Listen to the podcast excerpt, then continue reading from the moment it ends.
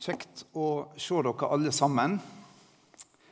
Eh, og takk for at det er med i det store oppdraget som Misjonssambandet har fått.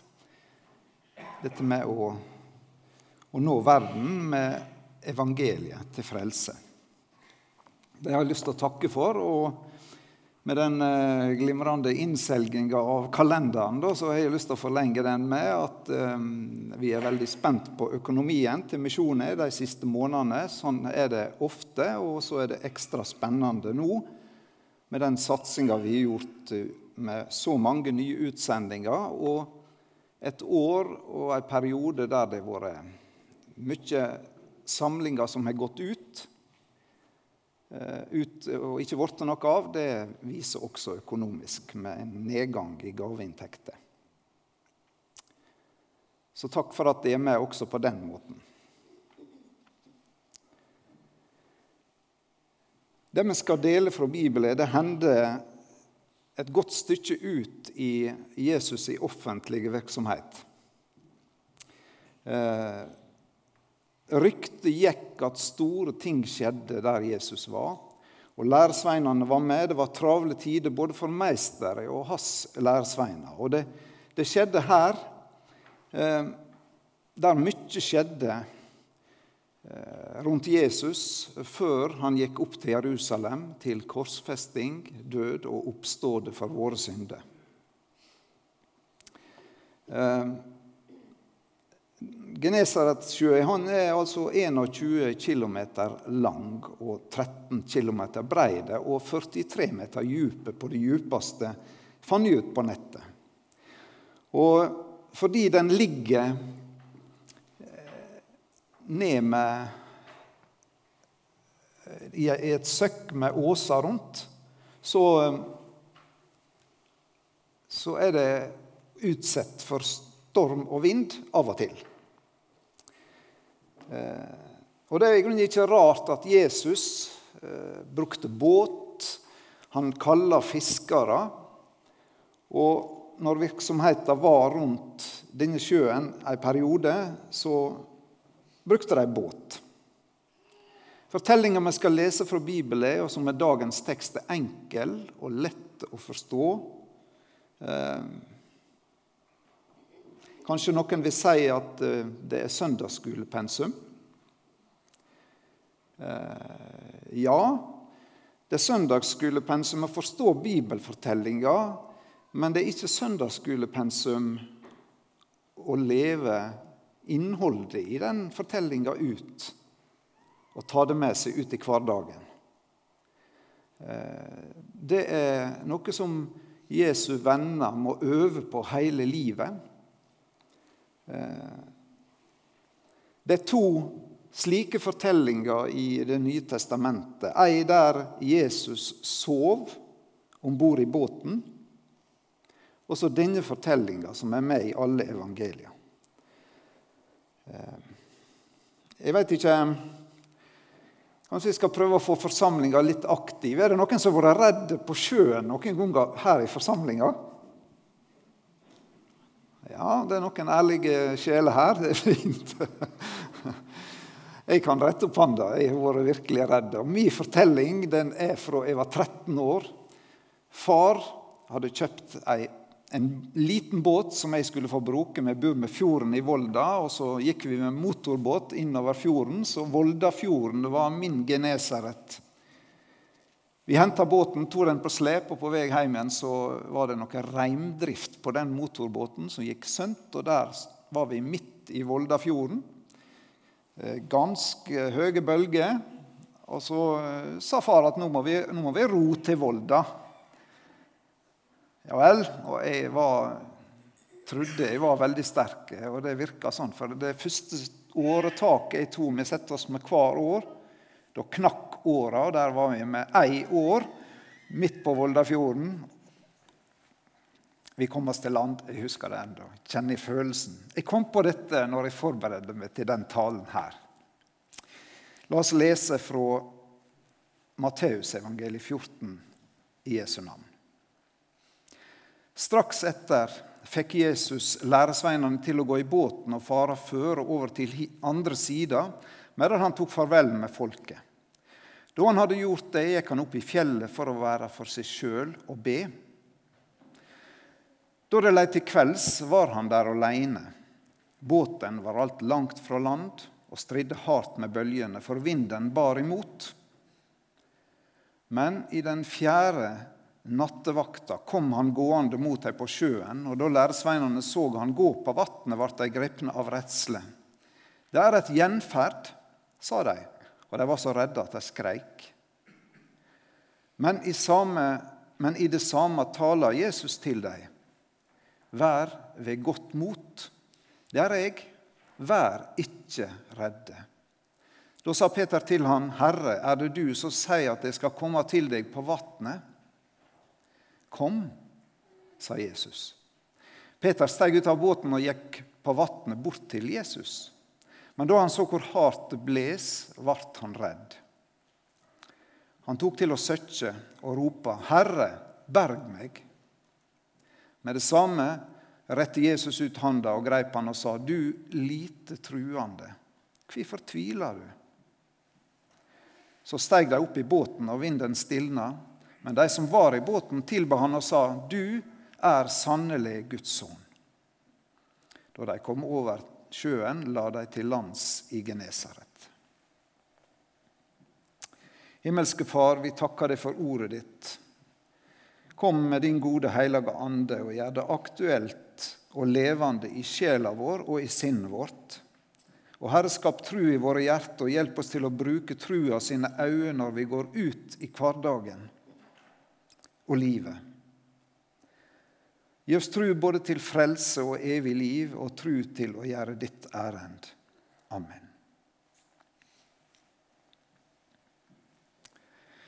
Det var ei aktiv periode.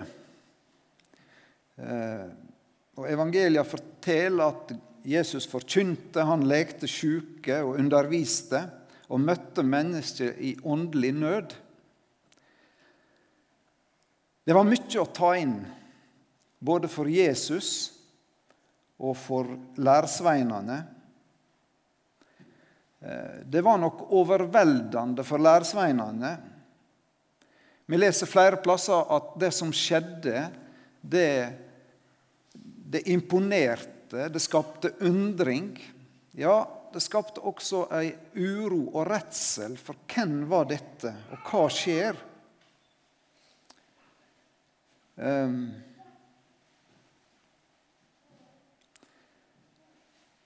På en måte så så ble det veldig mye. Og det som står om i, i, Johannes 21, så står det at om alt det som skjedde rundt Jesus, var skrevet, så ville det trodde ikke verden kunne romme de bøkene.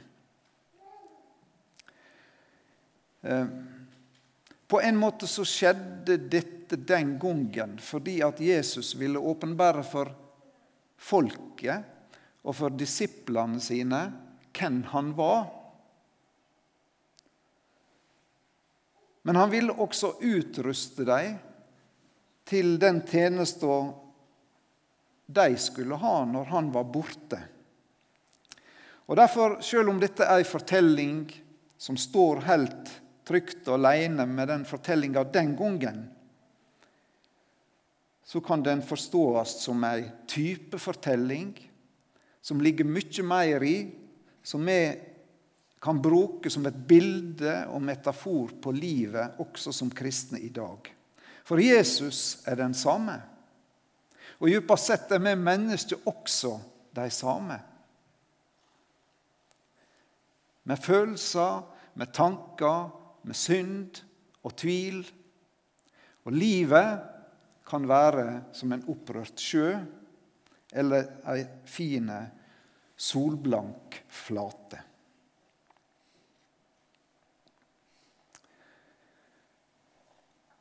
Jeg ville minne om det som sto før eller i forbindelse med denne båtturen.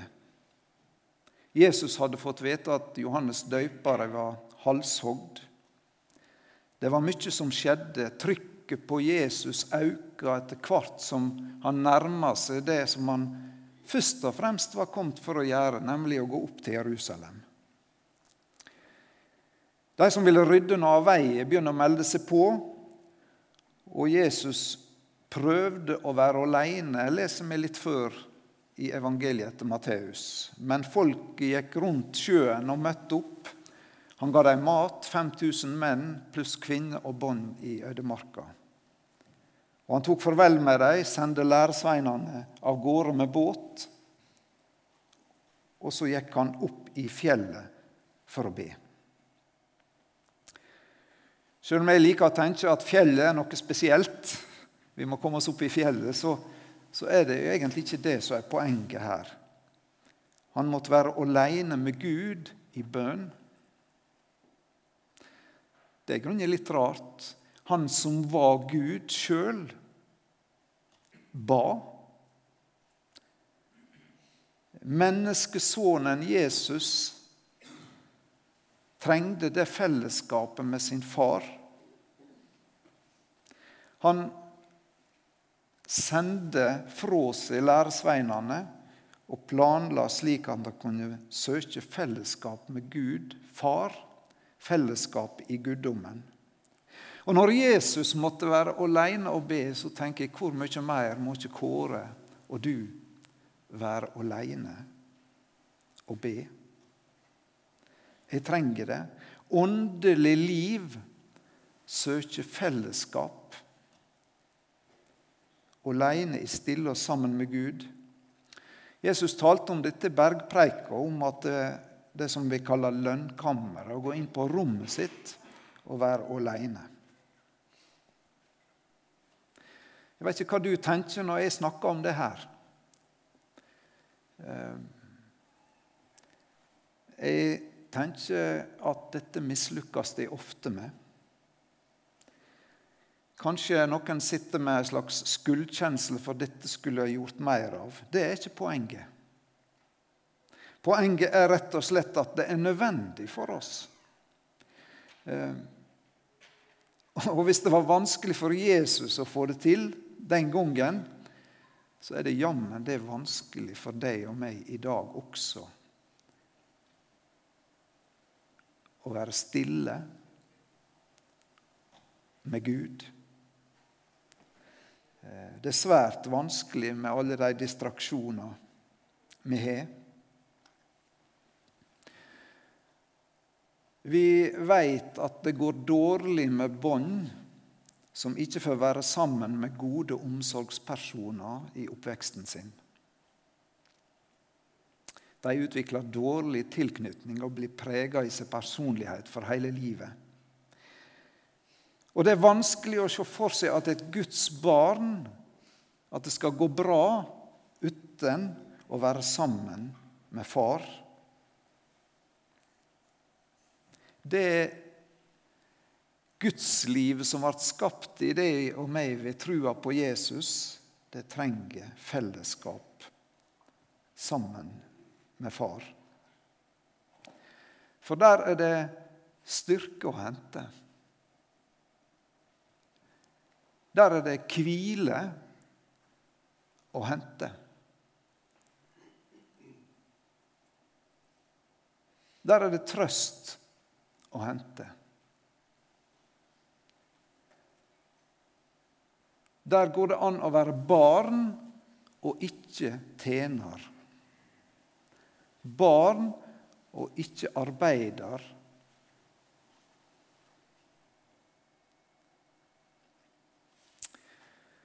Den vonde er maktesløse overfor Guds barn som set på Guds fang.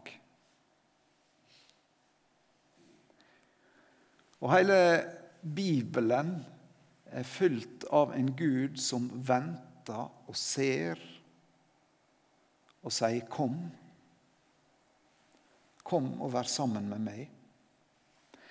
Og Det nye testamentet formaner oss igjen og igjen be uavlatelig.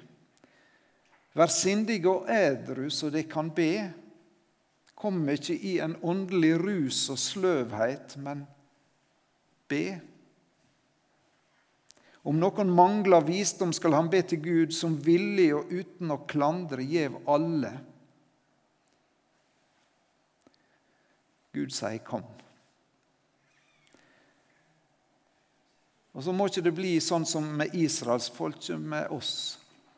At når Gud sa, og vende de om og held dykk i ro, skal de bli frelst. I stilla og tillit skal dykka styrke være, sa profeten Jesaja til dette folket. Men så står det så vemodig og trist. Men det ville ikke.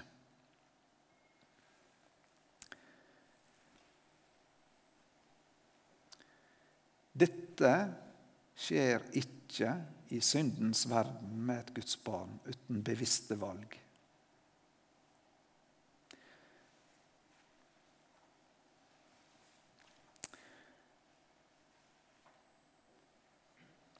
Så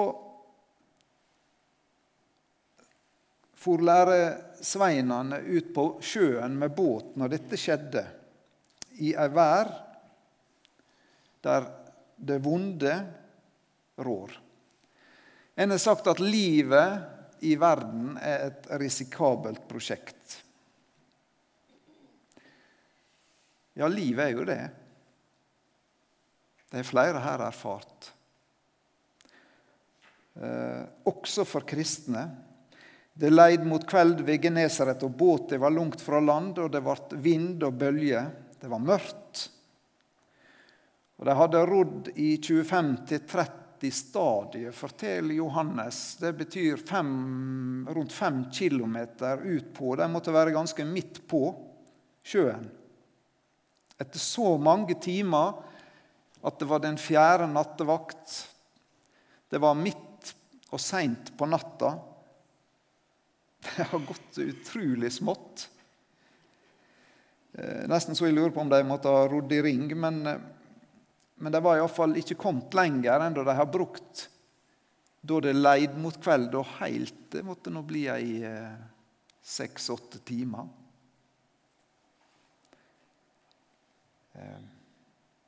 De var fortvila, sikkert. De var urolige for været. Og når Jesus dukka opp, så trodde de han var et spøkelse.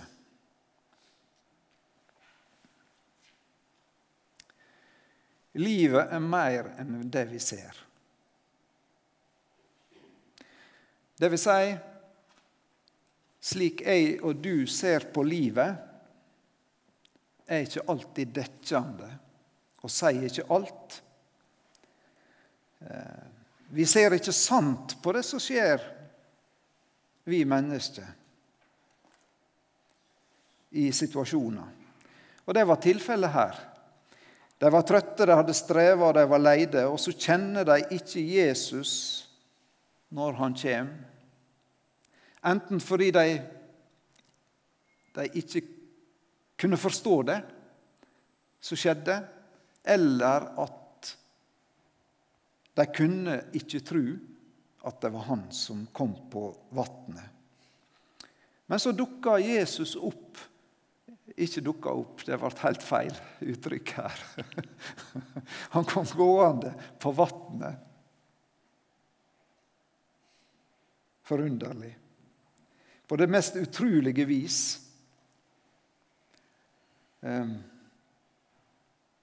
ofte så har jeg og du som tror, veldig konkrete forventninger om hvor Jesus skal hjelpe oss, og hvor han skal komme til oss.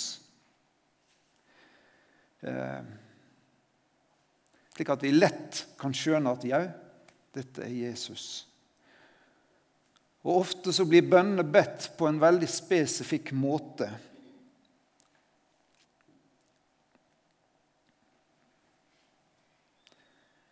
Men livet kan være sånn at du er i en situasjon der du ikke kjenner igjen Jesus. Du er forvirra, du skjønner ikke hvor han er, eller hvor skal han komme til meg nå. Og Det er en del av utrustningen vi skal ta med oss til liv uten den synlige Jesus ifra denne fortellinga. Når du er der at livet ditt forteller at Jesus er langt borte, han er ikke her, Selv om vi har bedt, selv om vi stoler på Han, så er det så annerledes. Eh, det kan ofte se ut som om Gud er død. Det var ganske sterkt å høre dette intervjuet med Egil Grandhagen, som var kreftsyk og ba til Gud. Og fikk spørsmålet hva svarte han det? Ingenting.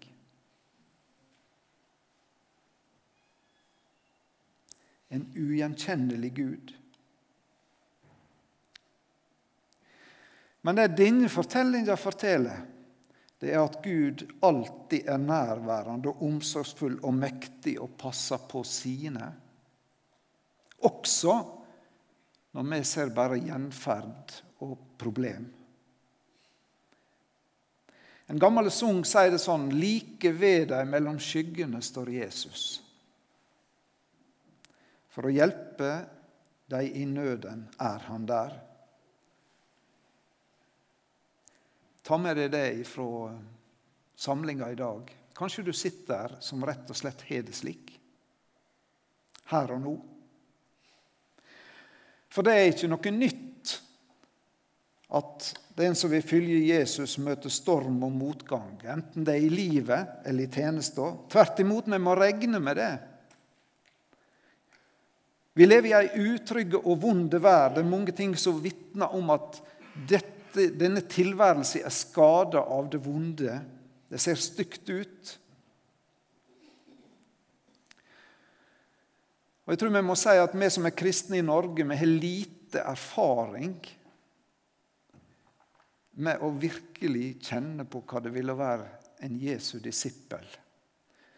Men kanskje kjenner vi på at skyene i, i, i eh, samfunnet vårt og kulturen vår gjør rommet og, og krever mer av oss, av vanskelige ting.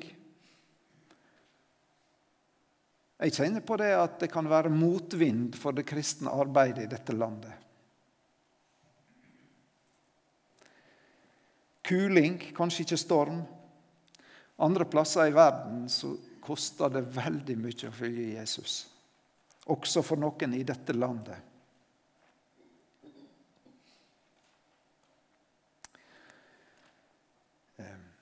Ei fortelling som Asbjørn Aavik fortalte fra 1931, var denne fortellinga om, om, disse englene på muren. Det var, det var røvere og, og opprørere som angrep denne byen. Våre utsendinger i Kina var i.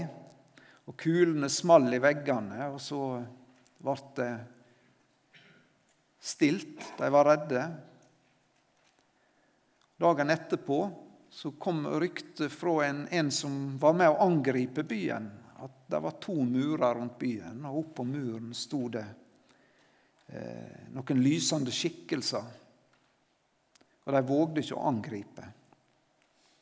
Også ei fortelling som høres litt sånn eventyrlig ut i vårt rasjonelle Norge, men som forteller at du og jeg vi ser ikke alltid sant på livet. Livet er mer. Det er mer i den åndelige verden enn det vi ser. Og det vi kan være helt sikre på, er at Jesus er her.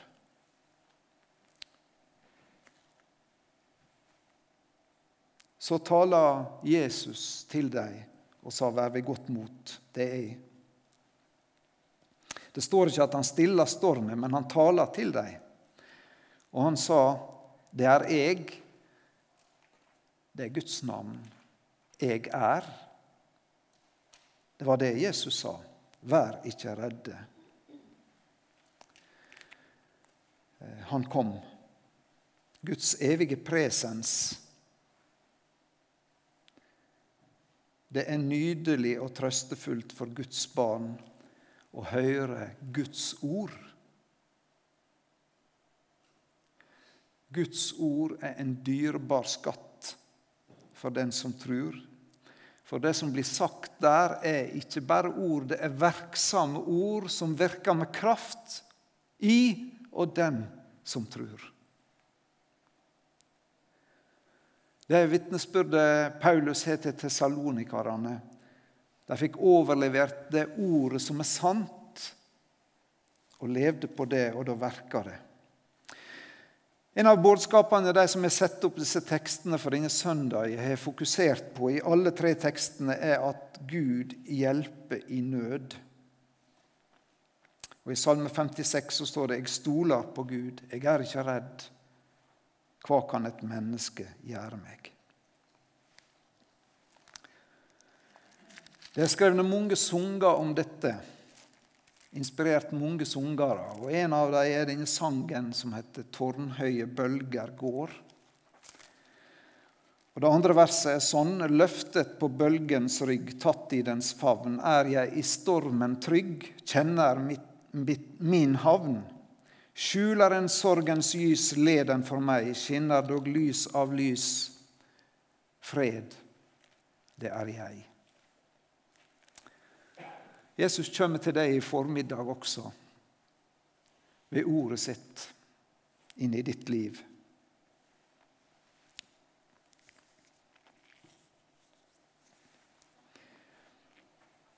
Så gikk Peter på vannet. Han er den eneste jeg vet om utenom Jesus som har gjort det. Han ville også gjøre det umulige, og han ville det etter at han hører Jesus sine trøstefulle ord eh, Si at jeg skal komme til deg. Vi gjør Peter urett hvis vi tror at han bare ville gjøre noe spektakulært eller ha noe å skryte av, eller fordi han var frampå. For her står at han, han ville komme. Jeg skal komme til deg, til deg, Jesus. La meg få komme til deg. Tru kan vi gjøre veldig innvikla. Men trua, den kristne trua er egentlig det enkle å komme til Jesus. Det er trua sitt vesen å ville være hos Jesus. Om livet, med livet og synda og all uro, og gi det til Jesus. Det er tru. Å tru eller å følge Jesus er i grunnen to sider av samme sak. Ei sann og levende tru uten konsekvenser kan være ei død tru. Det du og jeg har tru på, det går vi for. Sånn er det i livet.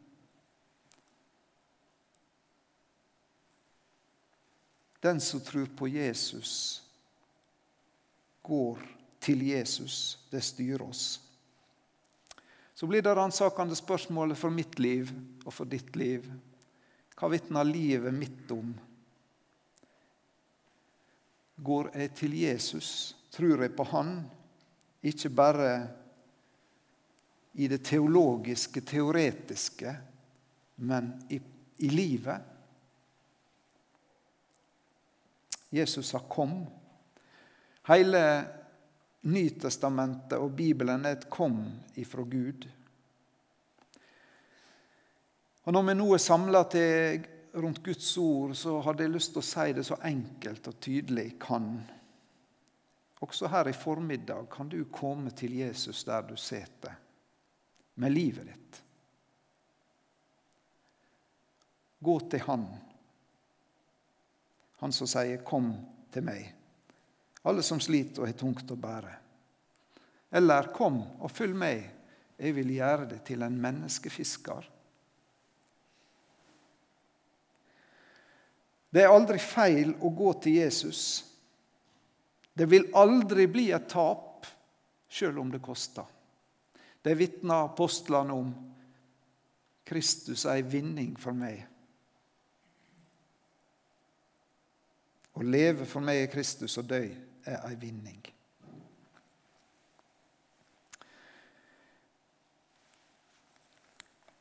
Når, når Peter gikk ut på vannet, så fikk han erfare Jesus sin styrke og Jesus sin kraft. Han satsa på noe umulig. Og så gikk han på vannet. Dette lærer Guds ord oss mange plasser. Kanskje vil noen her tenke, og jeg tenker, dette er en naiv og enkel søndagsskoletru.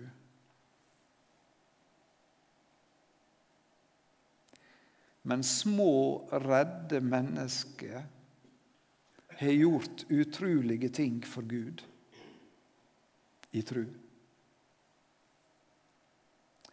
Derfor har Gud bruk for meg og vil bruke meg, og han vil bruke deg. Eh, og Guds vei i verden er ikke å bruke det som er stort og sterkt, men å bruke det som er svakt.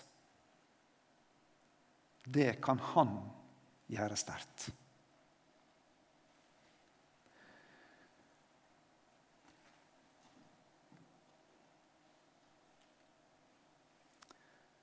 Er du dristige nok for Jesus?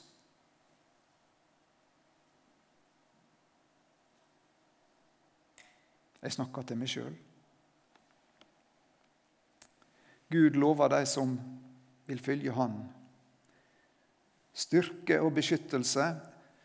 Ikke nødvendigvis at livet blir enkelt og vi unngår sykdom og prøvelser av vanskelige ting, men på det åndelige så kan ingenting skade oss eller rive oss ut av Hans hand.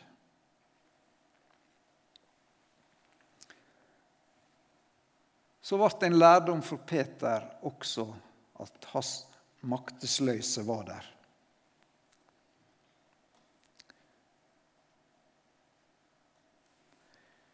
Har du eh,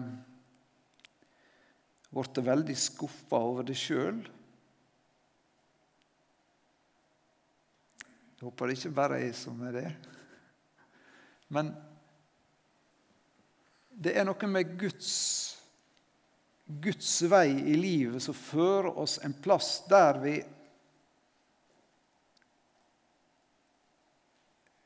Vi mislykkes. Det går gale.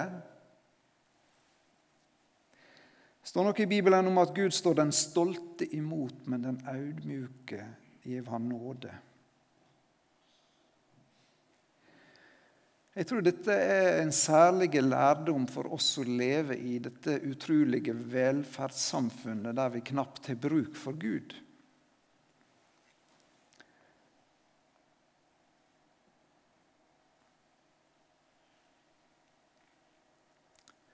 Du og jeg, vi kan ingenting gjøre, åndelig talt. Men går vi i tru sammen med Jesus, kan vi gjøre det utrolige. Eh, en veldig kjent slagertekst, 'You Raise Me Up', handler nettopp dette at den som går sammen med Jesus, kan gjøre mer enn en kan gjøre sjøl.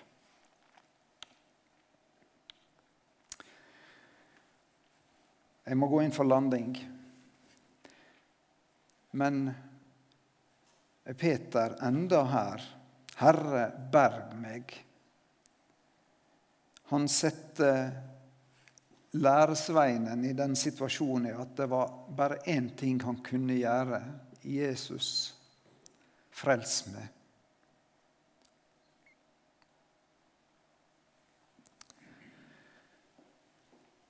Her kunne vi, vi male det ut. Det er en fare både i en forsamling sitt arbeid, i en organisasjon sitt arbeid og i våre liv at vi begynner å stole på, på systemet, på ordningene, på, på alt vi får til.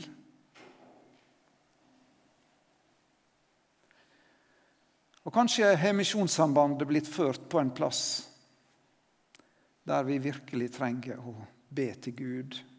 Hjelp oss.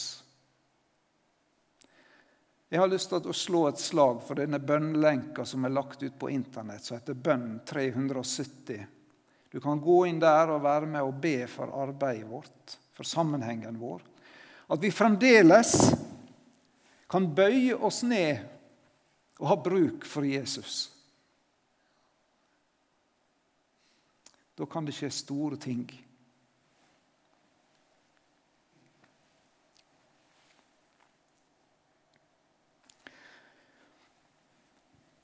Siste. Eh, I Misjonssambandet har vi vært opptatt av å holde fram Bibelen. Og vi kan se på mennesket og bedømme mennesket med våre øyne og vår teologi. Sette ei grense. Disse er innafor, disse er, er kristne. Og de utafor er ikke kristne. Bibelen forteller oss det er ikke vår sak å dømme. I våre miljø kan det lett oppstå slike holdninger, velmeint som de kan være, og likevel kan det bli feil. En annen måte å se kristent arbeid på, det er å snakke om det som er redninga, om Jesus. Han som kan hjelpe, han som kan frelse. Da kan folk være på forskjellig sted. La oss be om at sammenhengene våre må være åpne og holde fram sentrum Jesus. Det ber jeg om, himmelske Far. Takk for fortellinga om Genesaretsjøen og båten. Du kjenner hver enkelt her inne. Herre, kom til oss og skap i oss tru til å gå til deg med alt. Du kjenner også om det var noen som var i uvær, i vanskelige ting, som ikke kan se deg i livet.